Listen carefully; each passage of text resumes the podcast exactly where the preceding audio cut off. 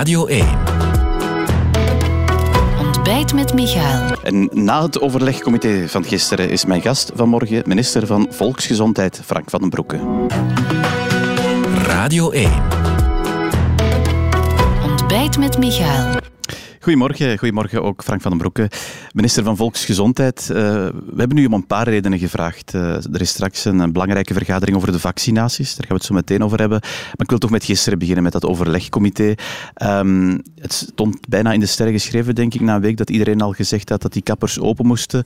Um, maar we horen ook meteen die virologen en experten zeggen, ho maar, dit is geen goed idee. Met, met wat voor gevoel zitten u hier nu? Wel, ik denk voor een stuk met hetzelfde gevoel als wat de experten hebben. Namelijk, langs de ene kant heb je een duidelijke nood en je voelt die druk. Meer en meer mensen beginnen te zeggen, we voelen er ons slecht bij dat we niet eens naar de kapper kunnen gaan. Uh, en ik denk dat dat, uh, dat is geen fantasie van die mensen. Ik denk mm -hmm. dat dat echt wel zo is dat veel mensen zich daar slecht beginnen bij te voelen.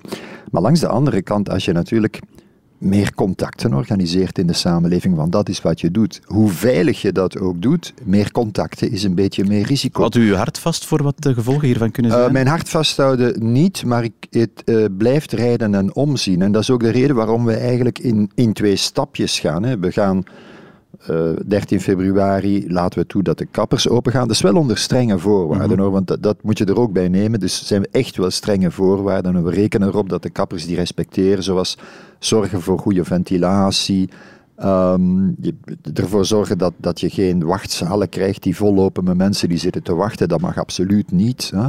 Uh, tijd nemen tussen de klanten. Dus al die dingen zijn ook wel duidelijk afgesproken. Uh, maar we gaan toch wel in twee stapjes. Eerst de kappers en dan pas de 1e maart uh, manicure, pedicure enzovoort. Ja, wat me gisteren ook opviel, en dat, dat was ook donderdag in het parlement al, waar u en de premier ook echt op benadrukte, dit is niet het begin van uh, de grote versoepeling zoals nee. we dat in, in april zagen. Hè. Dat was echt met die fasen. Is dat nog te vroeg? Dat is echt te vroeg en ik, ik denk dat we nu aan de mensen geduld moeten vragen. Uh, het, het slechtste wat we zouden kunnen doen is valse hoop voorspiegelen. De echte hoop is de vaccinatiecampagne. Dus als we de kwetsbare groepen in de bevolking, dat zijn de oudere mensen, die zijn het meest kwetsbaar, maar ook mensen die bepaalde ziektes hebben, zoals diabetes of andere ziekten. Als we de kwetsbare groepen gevaccineerd hebben, dan is het zo dat je voor iedereen, ook de jongere mensen, ook de mensen die niet kwetsbaar zijn, dan kan je voor iedereen stap voor stap en op een veilige manier het normale leven terug openen. Dan komt de vrijheid terug. Ja, dat kantelmoment, wanneer zou er dat zijn, denkt u? Wel, een belangrijk kantelmoment is als je de hele kwetsbare groep gevaccineerd hebt. Maar let op, dan spreek ik over alle mensen van boven de 65, of toch zoveel mogelijk, degenen die zich willen laten vaccineren. Dan spreek ik over die hele groep mensen die toch ja, bijkomende ziektes hebben, die, die hun ook kwetsbaar maken. We spreken natuurlijk ook over het zorgpersoneel, de mensen die onze ziekenhuizen en woonzorgcentra in stand moeten houden. En daar gebiedt de eerlijkheid van te zeggen dat dat doel wel helder is. Dus het doel is in zicht, dat weten we, daar moeten we geraken. Wanneer we er gaan geraken, dat kunnen we niet zeggen, want we zijn afhankelijk van de levering van vaccins. Ja, en daar, daar gaan we het zo meteen over hebben, ja. over die vaccins, hè, meneer Van den Broeke. Maar uh, ik vraag het ook omdat er gisteren ook gezegd is, uh, en dat is ook wat de sectoren als horeca, cultuur, sport vragen, geef ons een, een exit-strategie. Ik begrijp dat dat op het volgende overlegcomité, dat 26 februari, voor ligt. Ga, gaan we dan echt die, die richtdata kennen? Nee, nee dat, het zou mij zeer verbazen dat we dan data beginnen op te geven. Want als je, als je een datum opgeeft dan geef je mensen valse zekerheid. Ik denk niet dat we binnen 14 dagen in staat zullen zijn van te zeggen wanneer precies het kwetsbare deel van de bevolking gevaccineerd zal zijn. En daar hangt dat mee samen. En daar hangt dat mee samen. Dus we, we weten ook natuurlijk niet wat voor verrassingen we nog gaan krijgen van dat virus. Het is een, beetje, het is een race tussen het virus, dat bovendien de vervelende gewoonte heeft om te muteren, om te overleven. Het is een race tussen een virus dat absoluut wil overleven, langs de ene kant, en dat alle mogelijke gaatjes in de dijken zoekt, en langs de andere kant vaccineren en het vaccinatietempo.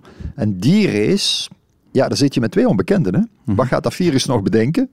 En wat gaat er gebeuren met de leveringen van onze vaccins? En dus ik vraag echt, en ik weet dat het moeilijk is, ik vraag echt geduld bij mensen. En ik denk het slechtste wat we nu kunnen doen, is nu weer dagen en weken lang beginnen filosoferen over versoepelingen die we niet met een vaste datum, met enige zekerheid kunnen beloven. Want als, als ik uh, het, het, wat opentrek wat u nu zegt, uh, de horeca is, is, een sector die echt aan het uitkijken is naar te kunnen heropenen. Ik neem aan veel mensen ook om naar de horeca te kunnen gaan.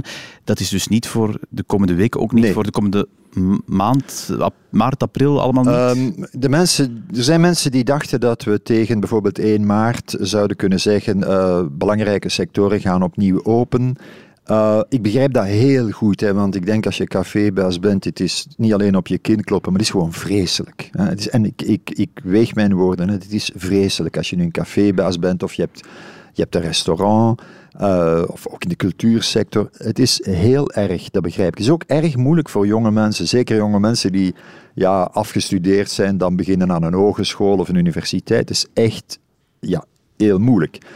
Maar ik denk dat het slechtste wat je kan doen, is aan mensen die het moeilijk hebben, valse hoop bieden, valse zekerheden. Ik heb liever dat we uit respect voor al deze mensen zeggen: we zijn onzeker, we vragen geduld.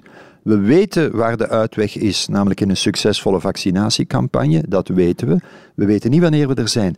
We zien de berghut liggen, maar de tocht naar de berghut, ja, die, die loopt langs moeilijke ja, paden. En we weten niet wanneer we er geraken. Het betekent, als, als ik dat, dat doortrek, maart, daar, daar moet dus de horeca niet aan denken om nee, te kunnen 1 maart, nee, dus het is volstrekt ondenkbaar. En, en maart als dusdanig? Um, ik ben zeer, uh, ik twijfel sterk of we in de race tussen het vaccin en de vaccinatie, of we dan met de vaccinatie al zo sterk vooruit zullen zijn tegenover het virus dat we 1 maart kunnen versoepelen, dat lijkt mij niet het geval. En ik zou dus echt vragen dat mensen ja, dat geduld nog even opbrengen en, en nog even doorbijten. Ik weet dat het heel moeilijk ja, is. Het is wel ik een weet dat boodschap ik... die u weer zegt, hè? Nee, het is een boodschap uit respect voor de mensen. Respect is de waarheid zeggen.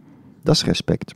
Ja, ik wil dan nog iets anders uh, vragen of, of dat kan versoepeld worden. Dat gisteren, dat is wat twijfel, lag dat nu op de agenda, die kotbubbel. Hè? Dus dat studenten die op kot zitten samen ook een bubbel kunnen vormen.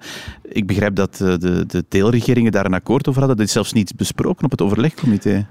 Wel, dat is even aan bod gekomen. Um, maar um, ja, opnieuw, we moeten, vrees ik, ook aan jonge mensen zeggen, let op, wees voorzichtig. Als je nu gaat zeggen, studenten die mogen groepjes beginnen vormen. Om te beginnen is het een beetje moeilijk om uit te leggen waarom je dat niet zegt aan jonge mensen die werken. Want er zijn ook mensen van 19, 20, 21 jaar die aan het werk zijn. Het is een beetje moeilijk om uit te leggen waarom je dat zegt aan studenten en niet aan anderen. Maar goed, zelfs als je dat zou kunnen uitleggen, er is echt wel een risico dat je een sfeer creëert waarin men de groepjes door elkaar begint te mengen, steeds grotere groepjes maakt.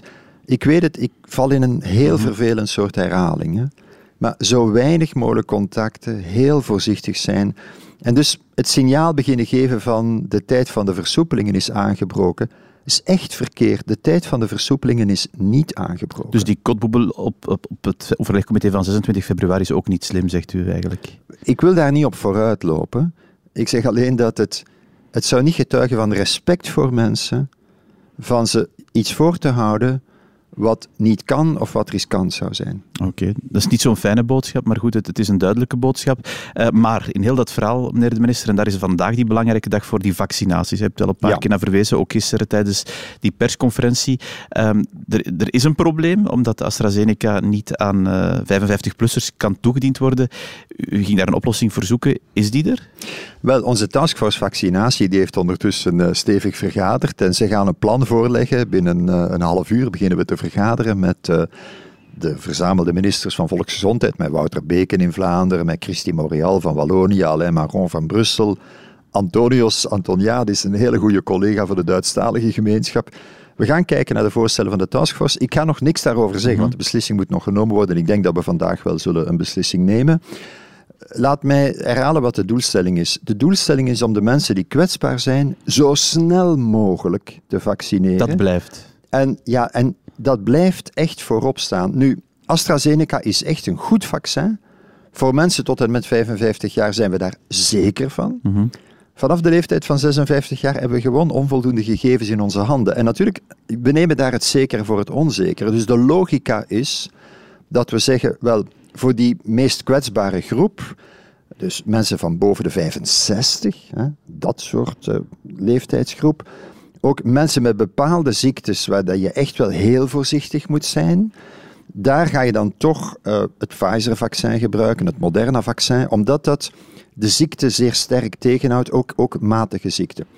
Voor mensen beneden de 55 ja, kan je dan AstraZeneca heel goed gebruiken. En dus wat ik denk, wat we zullen kunnen doen, is de strategie zo herzien dat we de doelstelling, de ouderen, zo snel mogelijk vaccineren kunnen blijven houden. En tegelijkertijd de doelstelling dat we het personeel van ziekenhuizen, van woonzorgcentra, de huisartsen en andere mensen, verpleegkundigen in de eerste lijn, buiten de ziekenhuizen, dat we die ook aan een stevig tempo kunnen blijven vaccineren.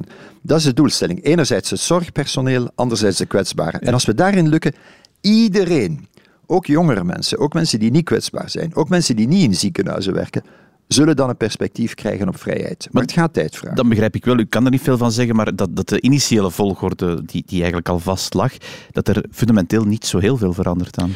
Uh, wat je moet veranderen is, is een beetje de, hoe die sporen naast elkaar lopen. Hè. Er is een spoor 65-plussers, er is een spoor uh, zorgpersoneel, huisartsen, verpleegkundigen in de eerste lijn, uh, verpleegkundigen, zorgkundigen, artsen in ziekenhuizen en al het personeel van de ziekenhuizen. Dus die twee sporen liggen nu eigenlijk naast elkaar. Wat je moet beslissen is dat je op het spoor van de, de groep waar je ook de wat jongere mensen hebt, daar kan je AstraZeneca goed gebruiken. Het spoor van, van de oudere groep, 65 plus, en, en zeker van mensen met bepaalde ziektes, ja, daar kan je dan beter kiezen voor Pfizer Moderna. Maar ik ga er niet op vooruit lopen, we moeten straks beslissingen Ik heb er wel nog één, vraag over. AstraZeneca, het heeft een aantal problemen. Er zijn ook de leveringsproblemen. Dat is nog belangrijker. Een ander element Ja, dat is eigenlijk belangrijker. Want AstraZeneca is een goed vaccin. um, maar één vraag is voor wie, je gebruikt, voor wie ga je het gebruiken. De andere vraag is, gaan zij hun belofte kunnen mhm. waarmaken? En daar ben ik eerlijk gezegd wel erover. Ja, omdat wij hadden de belofte dat we voor einde maart anderhalf miljoen dosissen kregen. Dat is goed voor 750.000 mensen. Nu is die belofte sterk gereduceerd. Hè. Men spreekt eigenlijk nog van de helft daarvan.